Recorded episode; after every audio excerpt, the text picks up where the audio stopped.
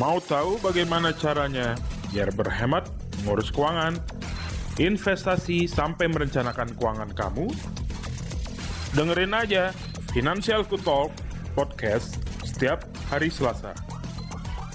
Mari kita sambut host kita, Melvin Mumpuni. Hai guys, apa kabarnya nih di hari Selasa? Jumpa lagi bersama saya Melvin Mumpuni, CFP, perencana keuangan dan juga founder Finansialku. Semoga kamu tetap sehat, baik itu healthy body, mind, and soul. So kali ini aku mau ngajak diskusi sama Head of Planner di Finansialku yang baru. Nah, kita mau bahas statement Ibu Sri Mulyani. Beliau mengatakan atau memprediksi katanya nih anak muda akan kesulitan beli rumah. Masa iya sih? Mau terus-terusan ikut orang tua atau mertua? Lalu gimana nih solusinya? Dan selain itu aku akan jawab Sebenarnya bukan jawab, tapi dengerin kali ya. Curhatan dari salah satu sobat finansialku mengenai dia harus bayar sekolah sendiri, harus kerja, capek-capek, habis waktu, nggak punya waktu pacaran. Ya karena orang tuanya sibuk bantuin adik-adiknya.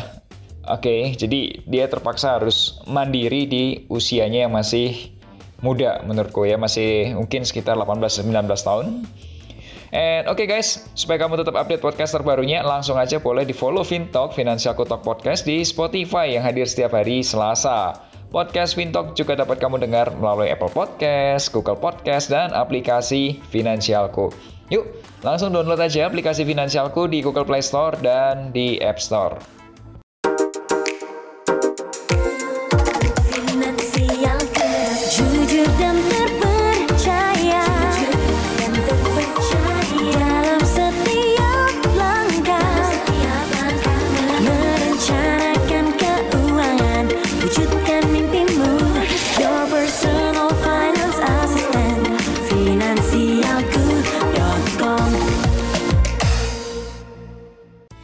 Bahas lebih detail, Sobat Finansialku juga dapat mengirimkan pertanyaan atau curhat keuangan melalui fitur konsultasi keuangan di aplikasi Finansialku. Kasih juga hashtagnya, hashtag curhat keuangan. Supaya apa? Supaya aku tahu kalau curhatan kamu ini boleh naik ke podcast. Dan salah satu pertanyaan yang masuk kali ini, bukan pertanyaannya, tapi cerita mungkin ya. Komelvin, saya kak di Bandung, masih kuliah S1 kak saya sekarang ini harus bayar sendiri biaya-biaya kuliah karena orang tua saya tidak bisa bantu biayain kuliah. Orang tua saya harus biayain uang sekolah dua orang adik. Saya mau curhat nih kok. Saya merasa kok capek banget ya jalani hidup kayak gini ya. Paginya kuliah, sore pulang kuliah kerja, jadi barista sampai malam. Barista itu yang kerja di coffee shop, biasanya bikin kopi atau bikin teh gitu ya. Profesi yang mahal. Sabtu Minggu juga masih belum istirahat karena masih ada shift di cafe.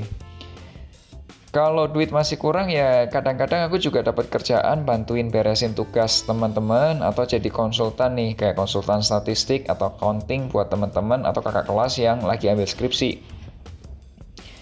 Oh sekarang ini aku juga punya pacar, tapi aku merasa bersalah karena waktuku buat dia itu cuma dikit banget. Kita satu kota, kita satu kampus, tapi kita hanya bisa ketemu paling 3-4 kali dalam satu bulan. Aku ngerasa kayaknya nggak cocok sama dia ya. Tapi dianya bilang nggak apa dan malah suka sama kerja kerasku. Dia malah nawarin apakah mau bikin usaha bareng aja. Jadi aku bisa ketemu dia setiap hari, bisa nambah pemasukan juga. Gimana kok kalau kayak gitu menurut kok? Jadi sekarang ini waktuku 24 jam juga nggak cukup kok.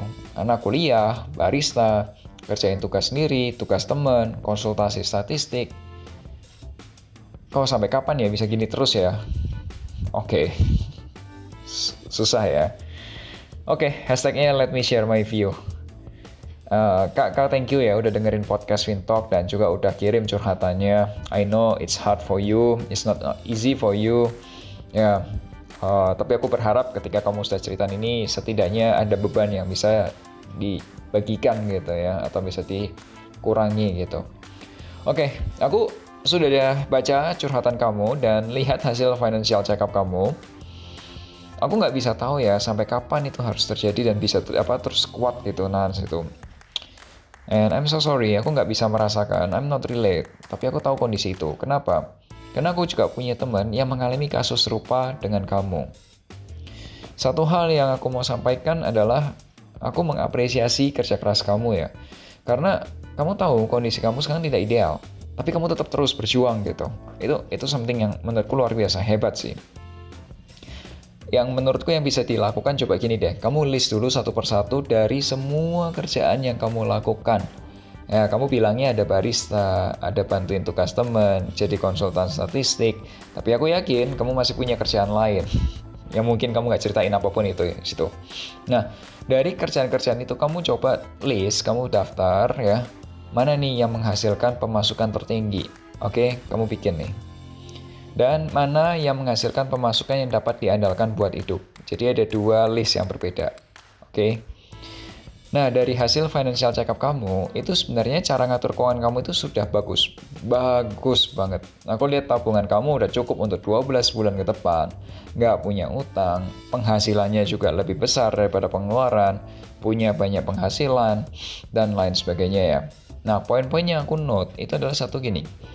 Pekerjaan kamu ini itu semuanya active income. Dan aku yakin active income tuh bikin capek. Bukan capek badan, tapi capek otak.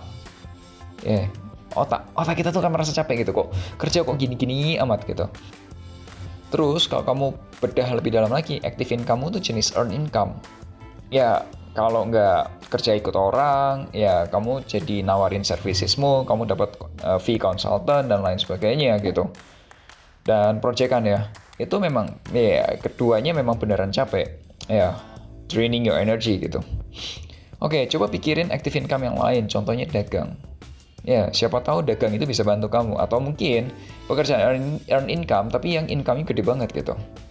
Ya, cobain deh. Kamu satu yang kedua, kamu nggak punya proteksi sama sekali, nggak punya insurance sama sekali. Menurutku dengan keuangan kamu sekarang beli asuransi kesehatan tuh sudah bisa lah, mampu lah. Ya jangan sampai uang kerja keras kamu yang ada di tabungan yang sudah 12 bulan itu bisa habis setengah atau habis semuanya gara-gara harus bayar biaya rumah sakit. Nah biasanya nih ya penyakitnya orang yang kerja keras karena karena waktu itu lulus kuliah aku pernah ada di posisi itu kerja keras gila-gilaan itu kalau nggak sakit BB sakitnya adalah tipes. That's the problem. Sampai kalau kamu memaksain sampai satu titik tertentu kamu bisa sakitnya sakit apa? GERD naik kelas sakitnya uh, oke. Okay. kakak uh, diskusi kita nggak berhenti di sini. Take your time. Kalau kamu memang butuh seseorang yang mau dengerin, feel free. Uh, biasanya kalau konsultasi aku charge harganya satu setengah juta untuk dua jam. For you, you can take it for free for 20 minutes. Uh, let me know the time, let me know. Kita akan ngobrol aja. Secara online pun it's okay karena mungkin kamu juga sibuk. Jadi uh, paling nggak kamu bisa ceritakan everything. Ya, yeah, hopefully I, I can I can help you more. Oke. Okay? Uh, terkait pertanyaan kamu juga mengenai membangun bisnis bareng sama pacar ya. Pastinya ada pro dan juga ada kontranya. Banyak kok kenyataannya orang-orang yang berhasil dalam usaha, dalam bisnisnya mereka karena dikerjakan bareng pasangan. Dan aku juga pernah uh, mewawancarai langsung, mungkin nggak aku rekam, tapi aku belajar dari uh, salah satu om yang satu ini, om sama tante bikin bisnis mulai dari nol banget sampai akhirnya berhasil sampai sekarang. Aku lihat sih. Tapi kalau aku pribadi sendiri tanyain uh, Melvin kalau kamu mau nggak bikin bisnis sama pacar kamu atau pasangan kamu jawabannya enggak. Kenapa? Karena aku mikirin kayak gini. Gimana nih kalau kita nanti putus saat pacaran? Gimana kalau misal ada perceraian dalam dalam dalam dalam pernikahan gitu? Gimana bisnisnya? Nah, kemudian kalau sampai ada kesalahpahaman dalam bisnis, misal aku nggak setuju sama kebijakannya pasanganku, apa iya nanti ini akan dibawa terus sampai ke personalnya, pasangannya, hubungan personalnya atau dalam keluarganya gitu. Nah, itu itu yang jadi pemikiranku sih. Oke, okay, aku tahu jawaban-jawabanku ini mungkin belum tentu bisa 100% uh, jawab semua, but it's okay. Kita bisa punya waktu panjang, lebih panjang lagi kakak untuk kamu ngomong dan aku dengerin. Oke, okay, thank you ya. Oke, okay. Uh, buat sobat finansialku, para pendengar podcast Fintalk, jika kalian mengalami kegalauan mengenai keuangan, investasi, asuransi, atau apa pun itu, boleh langsung curhat ke podcastnya Finansialku. Caranya gampang banget. Pertama, kamu download dulu aplikasi Finansialku di Google Play Store untuk pengguna Android, atau juga App Store untuk pengguna iOS. Oke. Okay? Kedua, kamu klik di situ ada menu financial planning, itu ada menu konsultasi keuangan ya. Jadi di tab financial planning ada menu konsultasi keuangan. Kamu arahin aja ke aku, Melvin Mumpuni, kasih hashtag hashtagnya curhat keuangan. Oke? Okay? Follow juga akun Instagram at financialco_com dan at melvin underscore supaya kamu dapat informasi keuangan yang lebih banyak lagi karena aku dan Finansialku berbagi tentang hal-hal keuangan, cerita, story, dan lain sebagainya di Instagramnya almost every day. Dan guys, Aku juga punya program khusus namanya Melek Finansial bersama Melvin Mumpuni di YouTube channelnya finansialku.com. Videonya tayang setiap hari Rabu. Di video besok aku cerita tentang begal rekening. Jadi rekening kita itu guys, itu bisa dibegal. Ya, tekniknya apa, modusnya apa, itu namanya social engineering. Jadi kita kayak semacam dihipnotis gitu, lewat telepon atau lewat apa pun itu, supaya data-data pribadi kita bisa keluar. Dan itu bahaya banget. Kamu wajib nonton, kamu wajib protect yourself, protect your family, supaya uang-uangnya aman di bank. Oke? Okay? Wajib tonton di YouTube channelnya financialku.com. Oke, okay, yuk kita langsung bahas diskusi kita hari ini tentang properti bersama Head of Financial Planner Finansialku, Shirley CFB.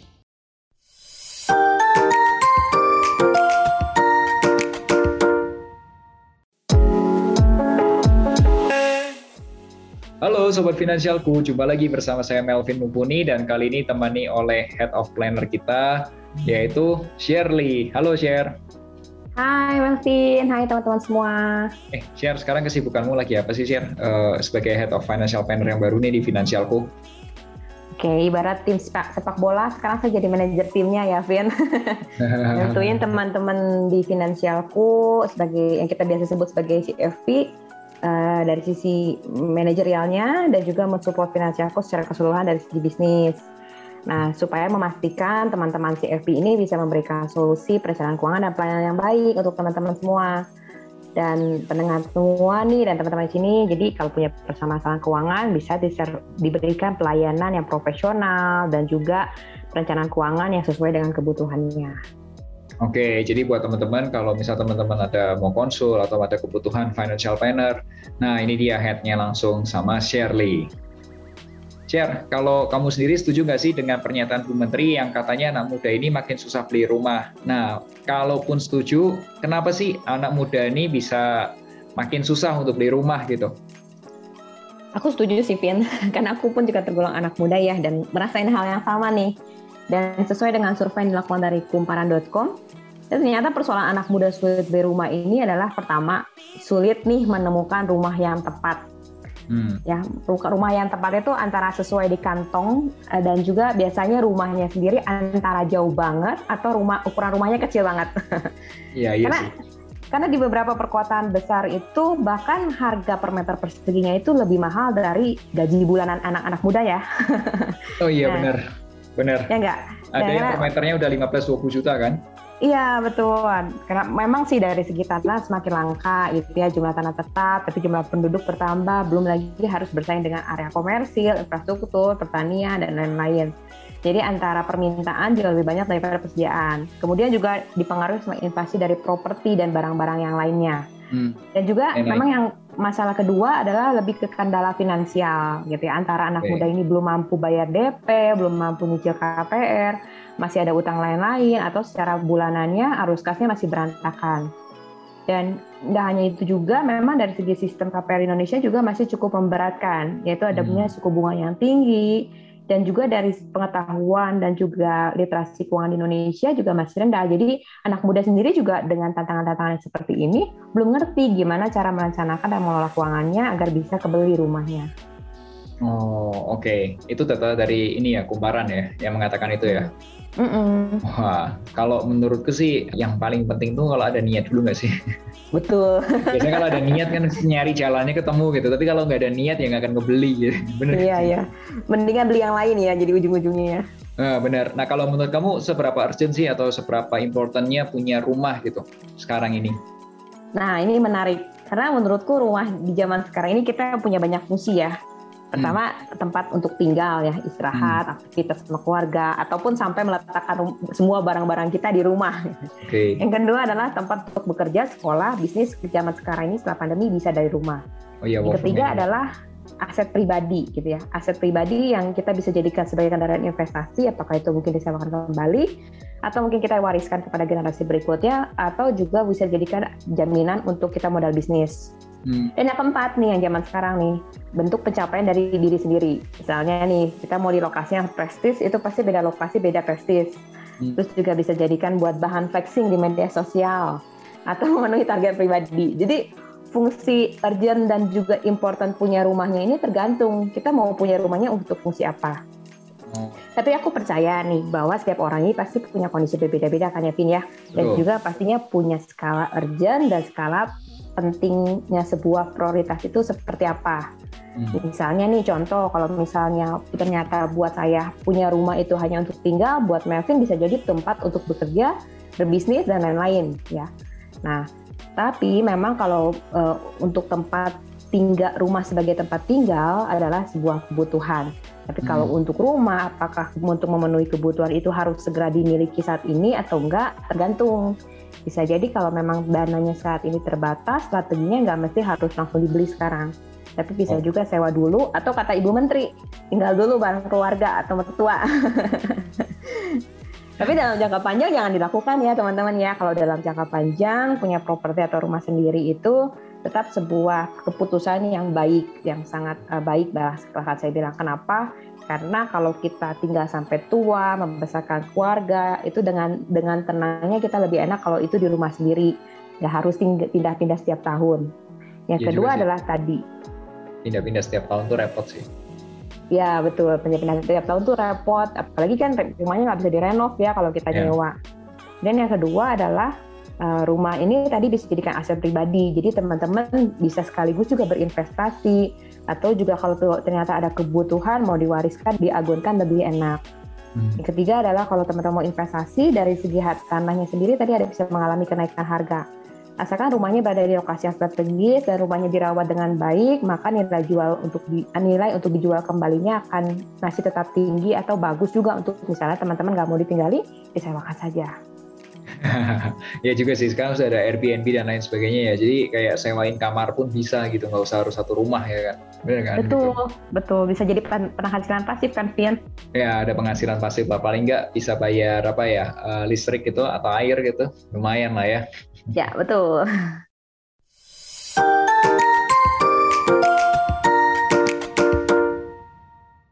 Share secara hitung-hitungan keuangan nih kan ya share. Biasanya kalau beli rumah itu kan ada dua hal yang jadi pertimbangan nih atau yang menyebabkan seseorang itu sulit untuk beli rumah yaitu satu either uh, eh, DP-nya nggak cukup artinya tabungannya nggak ada atau yang kedua itu cicilannya nggak sanggup atau takut gitu Nah, kita bahas dulu nih yang DP. Kalau menurut lu ya, share ya, kenapa sih orang-orang itu atau anak-anak muda itu uh, punya kesulitan dalam ngumpulin DP rumah? Oke, yang pasti sih sebenarnya tadi dulu ya, mau nggak nih? Kalau mau ada jalan gitu ya. Terus yang kedua adalah tentuin dulu nih tujuannya mau gimana sih gitu. Hmm. Kan kalau kalau tadi kan rumah itu antara prioritas gak prioritas tergantung siap orang. Tuh. Termasuk juga rumahnya mau seperti apa itu juga kita yang tentuin gitu ya. Mau hmm. rumah harga 500 jutaan bisa satu miliar atau mungkin 3 miliar. Dari nentuin harga rumah itu kan akan secara hitung-hitungan matematiknya mempengaruhi nilai DP yang perlu kita persiapkan. Oh. Nah, nah kalau bisa sih meskipun di zaman sekarang ada DP 0% tapi teman-teman sebaiknya jangan pilih yang DP 0%. Okay. Tuh, walaupun se sepertinya mudah deh DP 0% udah bisa beli rumah, tapi secara keuangan nanti bunga yang teman-teman bayarkan akan jauh lebih besar. Ya karena utangnya 100%. Iya betul, utangnya 100%, berarti bunganya semuanya dikali pokok utang itu kan, iya. itu akan lebih besar. Termasuk nyicil DP itu menurut lu gimana? Uh, nyicil DP ke developer atau pengembang gitu? kalau nyicil DP, DP ke uh, developer biasanya kan nggak ada bunganya. Biasanya hmm. boleh kalau misalnya itu dilakukan ke developer dan juga biasanya untuk 1 sampai 5 tahun doang. Jadi jangka waktunya nggak panjang. Itu akan akan memper, mempermudah juga secara keuangan kita. Jadi boleh hmm. kalau misalnya developernya memberikan strategi cicilan DP ke developer boleh diambil nanti sisanya baru KPR atau langsung dipersiapkan aja secara pribadi DP-nya misalnya 20% dari total rumah. Okay. Gitu. Oke, okay. tapi kalau kalau aku pribadi sih prefer ini ya share ya. Kalau misalnya nyicil nyicil TP pun uh, cari yang nggak ada bunganya. Nah itu aku lebih suka nggak dibungain. Betul. Kedua rumahnya udah jadi atau propertinya udah jadi atau apartemennya udah Betul. jadi gitu. Betul. Jadi Betul. itu enak banget sih. Udah udah tinggal duluan kan. Udah risikonya iya. udah kurang banget gitu. Iya betul. Nah lanjutannya nih share. Hmm. Tadi ada satu lagi yang ngomongin tentang satunya DP yang nggak bisa nabung. Anyway, uh, kalau yang nggak bisa nabung tadi itu, uh, gimana nih caranya supaya anak-anak muda itu bisa ngumpulin DP rumah gitu? Oke. Okay. Kalau kalau misal katakanlah let's say uh, income berapa 10 juta gitu ya 10 hmm. juta gitu nabung atau invest 4 juta per bulan tuh cukup nggak sih DP rumah? Nah itu dia itu sebenarnya harus dihitung lagi ya Vin ya sebenarnya ya. rumahnya mau harga rumah harga berapa Yeah. Tapi kalau dari uh, anggapnya kita kalau biasanya kan cicilan uh, ke developer itu atau cicilan ke bank itu kan sekitar satu per tiga atau mungkin biar hmm. gampang 30 persen. Yeah. Jadi teman-teman alokasikan dana juga persiapkan dari sekarang gaya hidupnya supaya bisa nabung 30% untuk DP rumah. Jadi nanti ketika masuk masa KPR dikasih cicilannya 30% udah nggak shock nih keuangannya nih karena 30% udah biasa untuk nyisihin. Hmm, gitu. Benar juga. Ya, tapi kalau aja, anggap aja nyicil gitu ya, padahal ini invest ya, gitu ya. nyicil. Betul, betul. Tapi kalau ternyata secara keuangan belum mampu nyicil uh, mengalokasikan 30% ya udah nggak apa-apa, tapi perlahan naik secara bertahap ya. Misalnya sekarang alokasikan dulu 10%, nanti tahun depan naikkan penghasilan, naikkan juga level untuk menabung dan investasinya di 20%, 30% dan seterusnya. Tapi kalau bisa sekarang ada kemampuan masih single, belum ada tanggungan, ada kemampuan mengalokasikan 30% dari penghasilan ya khusus aja untuk misalnya nyiapin DP rumah. Oke, berarti anggap aja 30% penghasilan kalau dari 10 juta paling nggak 3 juta gitu atau tiga setengah juta gitu ya untuk untuk untuk properti gitu. Ya, betul. Oke, okay, make sense sih menurutku. Karena karena dengan cara kayak gitu, anggap aja kayak kita latihan dulu gitu ya. Jadi itu bikin pede kan. Oh ternyata bisa kok gitu ya.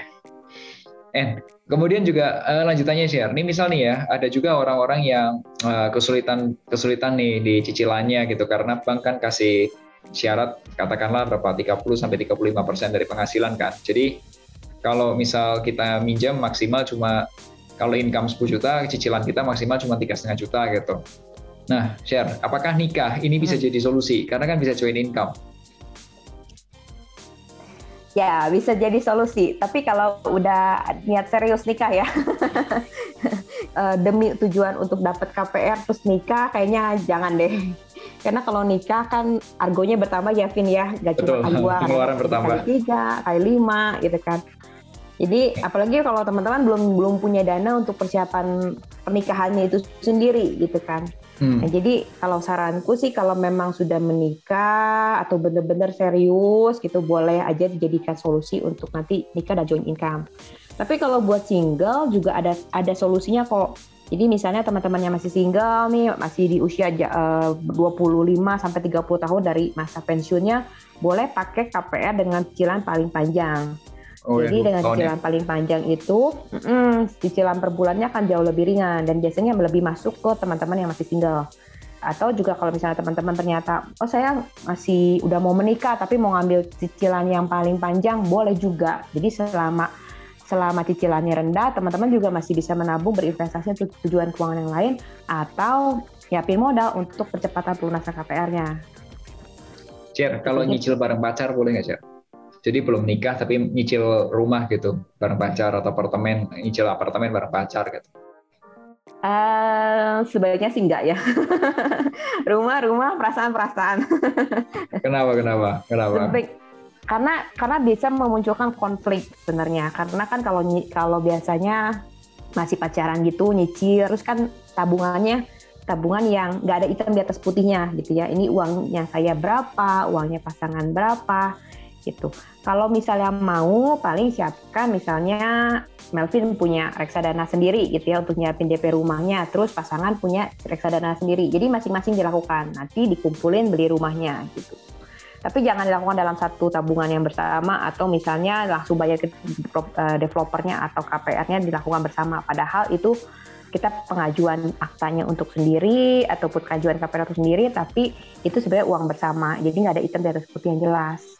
Uh, benar juga sih karena undang-undang pernikahan tuh ada tapi kalau undang-undang per apa pacaran gitu kayaknya belum ada ya. Gue belum pernah denger Iya, sih undang-undang yang sih. mengatur tentang pacaran gitu. Iya. Benar juga nggak ada hitam di atas putihnya ya. And anyway, share kalau ada orang yang ketakutan nyicil nih ya, kan apalagi kalau tadi yang lu bilang kan 20 tahun Hmm. itu kan jangkanya panjang ya. Karena Mm-mm. takutnya kalau tiba-tiba terjadi masalah keuangan nih, misal Hmm. ada resesi lah atau apalah, kena PHK lah dan lain sebagainya, jadi nggak bisa nyicil. Nah, malah takutnya rumahnya tuh disita bank tuh karena karena nggak bisa bayar dan lain sebagainya. Solusinya gimana tuh, share biasanya? Sebenarnya eh, enaknya nyicil kita ke, ke bank itu bank itu adalah institusi keuangan yang prudent ya, yang Hmm. secara resiko itu udah dipikirin segitunya. Jadi ketika misalnya teman-teman ada resiko-resiko sampai nggak bisa gagal bayar, bank juga punya beberapa langkah untuk memitigasi resiko itu. Yang pertama adalah biasanya nih kalau mau jatuh tempo kan akan dibayar, di- dikasih informasi dulu. Kamu Hmm. akan ada cicilan sekian-sekian, perlu bayar Hmm. bulan ini apakah itu SMS, email, telepon.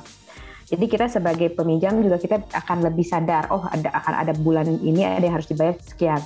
Hmm. Yang kedua adalah kalau sampai ternyata teman-teman pun ada uh, kesulitan dalam keuangan sehingga pembayarannya denda gitu terlambat. Itu sekitar 0,5% sampai 1% per hari dikali cicilan bulanan dikali jumlah hari keterlambatan. Jadi teman-teman bisa perhi- perhitungkan kalau sampai saya harus terlambat kira-kira pembayaran saya ini akan berapa besar sih dendanya.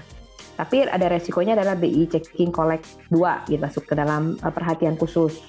Nah, tapi kalau teman-teman sampai misalnya ada kesulitan pembayaran, diusahakan dibereskan di nomor 1 sampai nomor 2 ini. Jadi antara teman-teman atur pemberitahuannya ini, minta nanti langsung bilang ke banknya, oh saya ada kesulitan pembayaran bulan ini gitu. Nanti tinggal diobrolin ke bank enaknya seperti apa, apakah ada perubahan kebijakannya, suku bunganya diturunkan atau ada kebijakan yang lainnya. Nah, tapi kalau misalnya teman-teman sudah masuk ke level yang ketiga, biasanya udah ke surat teguran. Itu biasanya Hmm. udah ketika keterlambatannya uh, sampai 90 hari terlambat. Kemudian nanti biasanya ada surat peringatan satu. Itu teman-teman udah antara 90 sampai 120 hari keterlambatan. Itu biasanya kolektabilitasnya udah kolektabilitas ketiga nih, dibilangnya sebagai kurang lancar. Lanjut biasanya ke SP2, SP1, SP2, baru nanti terakhir resikonya adalah bank biasanya akan memberikan surat peringatan ketiga dan opsi nih, banknya apakah perlu debiturnya jual rumah sendiri dan lunasi kewajiban ke bank, atau yang kedua adalah kalau tidak digubris, maka banknya rumah bank punya hak untuk menyita rumahnya. Hmm. Tapi kalau sampai teman-teman misalnya agar tidak kejadian rumahnya nanti disita oleh bank, maka sebaiknya kita menunjukkan itikat baik, Pian.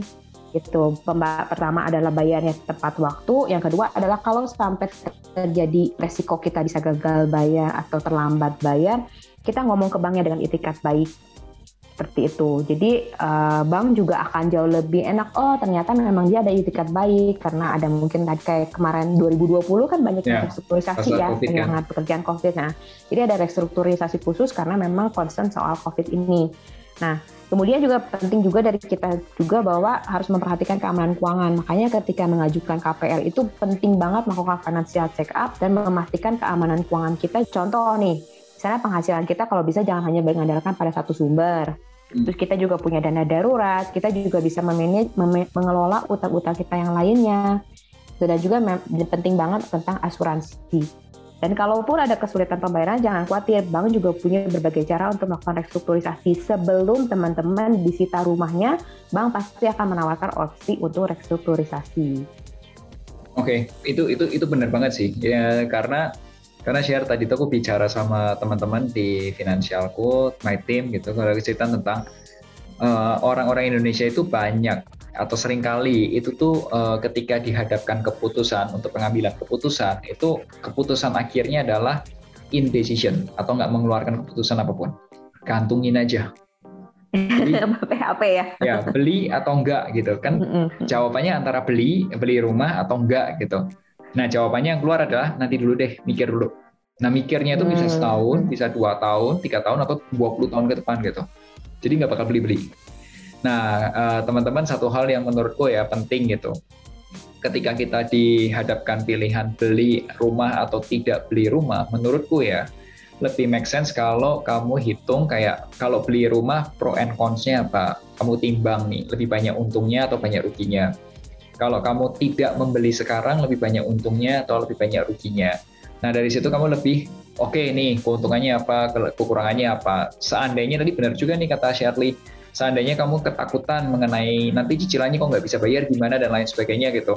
Nah daripada ketakutan, ketakutan itu ngumpul dan tidak ada solusinya, better ngobrol, bener kan? Tanya sama orang tuanya, tanya kalau misal seandainya terburuk terjadi gimana, ada solusi apa. Tadi kalau Shirley karena Shirley mungkin udah banyak nemu kasus seperti itu dan dulu juga Shirley pernah kerja di bank, jadi Shirley tahu belakangnya kayak apa gitu kan. Jadi sebenarnya itu masih bisa diobrolin, dicariin solusi. Istilah teknisnya namanya di restrukturisasi. Tapi uh, ya intinya intinya bank bank akan bantu kita lah nasabahnya karena bank juga nggak pengen kalau misal kreditnya bermasalah gitu kan sebenarnya.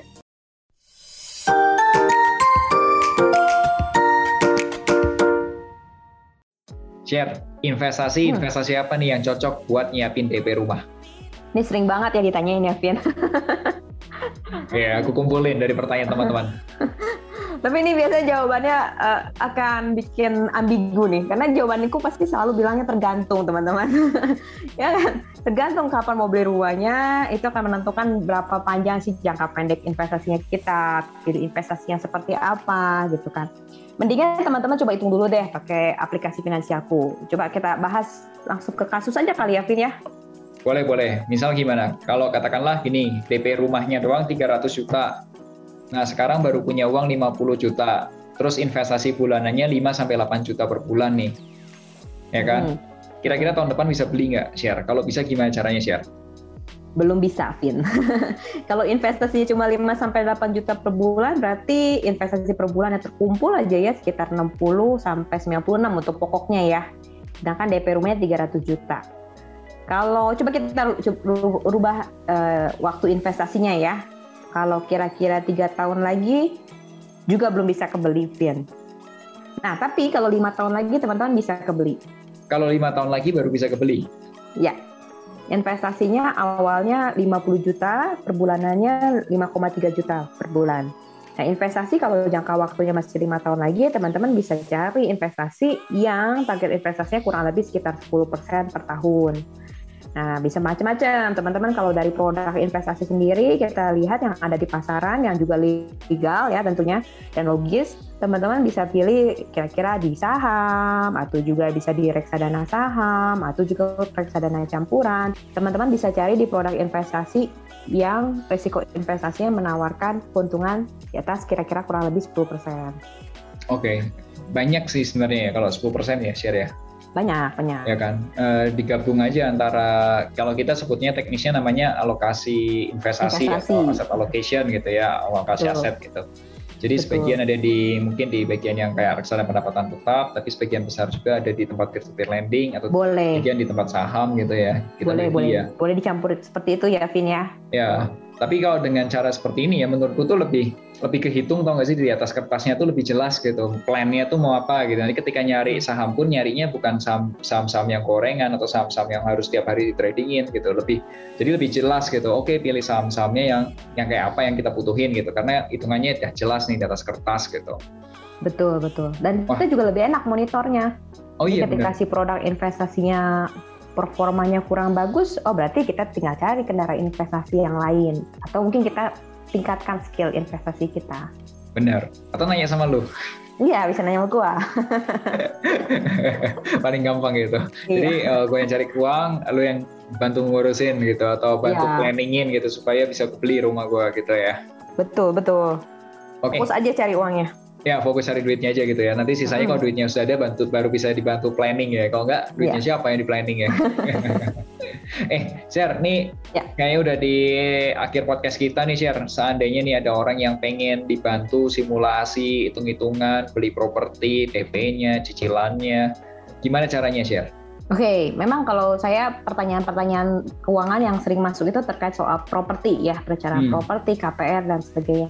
Jadi teman-teman bisa konsultasi pada saya melalui aplikasi Finansialku. Di situ ada chat, ya teman-teman kita langsung bisa chat-chat aja di sana. Atau teman-teman yang mungkin nggak terbiasa untuk chatting-chatting, teman-teman langsung aja buat jadi temu, ngobrol-ngobrol dalam 1 sampai dua jam, bisa meeting online ataupun ketemu offline. Nanti kita ngobrolin soal uh, kesehatan keuangannya kalian, Terus juga gimana sih strategi investasi yang cocok buat membeli rumah kalian dan juga nanti akan dihitungkan alokasi investasi ya Vini ya tadi ya atau misalnya tips-tips apa terkait mengenai properti dan juga KPR. Betul. Atau buat teman-teman yang mau konsultasi boleh langsung ke WhatsApp aja ke ini tim kita namanya DK dua huruf doang namanya huruf D sama huruf K. Gampang inget ya DK. Nomornya di 0813 1646 8488 0813 1646 8488 atau nanti kalau kamu lihat di Instagramku atau Instagram Sherlyn nanti aku tag nomor teleponnya juga jadi kamu bisa langsung uh, hubungi Deka untuk bikin janji konsultasi. Oke, okay, konsultasinya berbayar atau gratis? Jawabannya berbayar, tidak gratis guys. Karena apa? Ya kan demi rumah kamu. Masa ini kan untuk mengamankan supaya kamu bisa beli rumah. Worth it lah. Oke, okay? Ya udah.